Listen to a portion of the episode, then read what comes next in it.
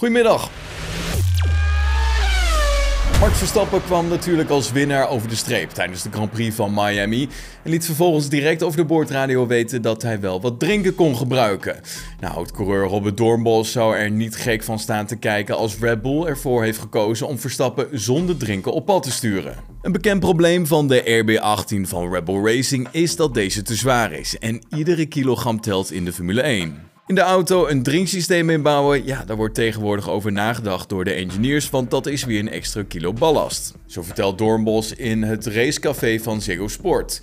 Als hij vervolgens van presentator Campus de vraag krijgt of Verstappen misschien geen drinken bij zich had tijdens de race, antwoordt Doornbos dat het hem niet zou verbazen als Red Bull had besloten om dat niet te doen. Door de hoge temperaturen in Miami zorgen ervoor dat de coureurs meerdere liters vocht verliezen tijdens een race.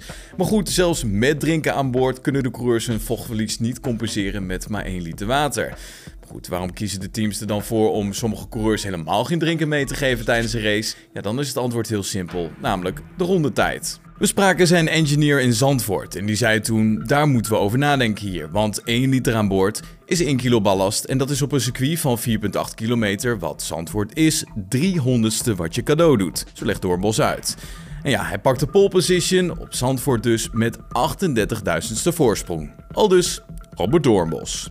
Ja, de race van Lando Norris in Miami kwam abrupt tot zijn eind nadat de Britse jongeling in aanraking kwam met een ja, waarschijnlijk verdwaalde rondrijdende Pierre Gasly. De McLaren-coureur is dan ook niet te spreken over de actie van zijn collega en legt de schuld van de crash bij de Fransman. Hij ging duidelijk buiten de baan en had een hoop schade. In mijn mening dreef hij behoorlijk ver naar de linkerkant en het circuit ging redelijk de rechterkant op, maar hij stuurde helemaal niet naar rechts. Al was hij van plan om naar de pits te rijden, dat hoorde ik namelijk iemand zeggen, had hij veel meer aan de kant moeten gaan dan dat hij deed. Zo mopperde Norris. Goed, uiteindelijk weegt hij ook weer niet te zwaar aan de fout van zijn collega, want dit gebeurt soms nou eenmaal in het racen. Ja, gisteren ging het ook even mis met de auto van Perez, want hij had namelijk last van een sensorprobleem.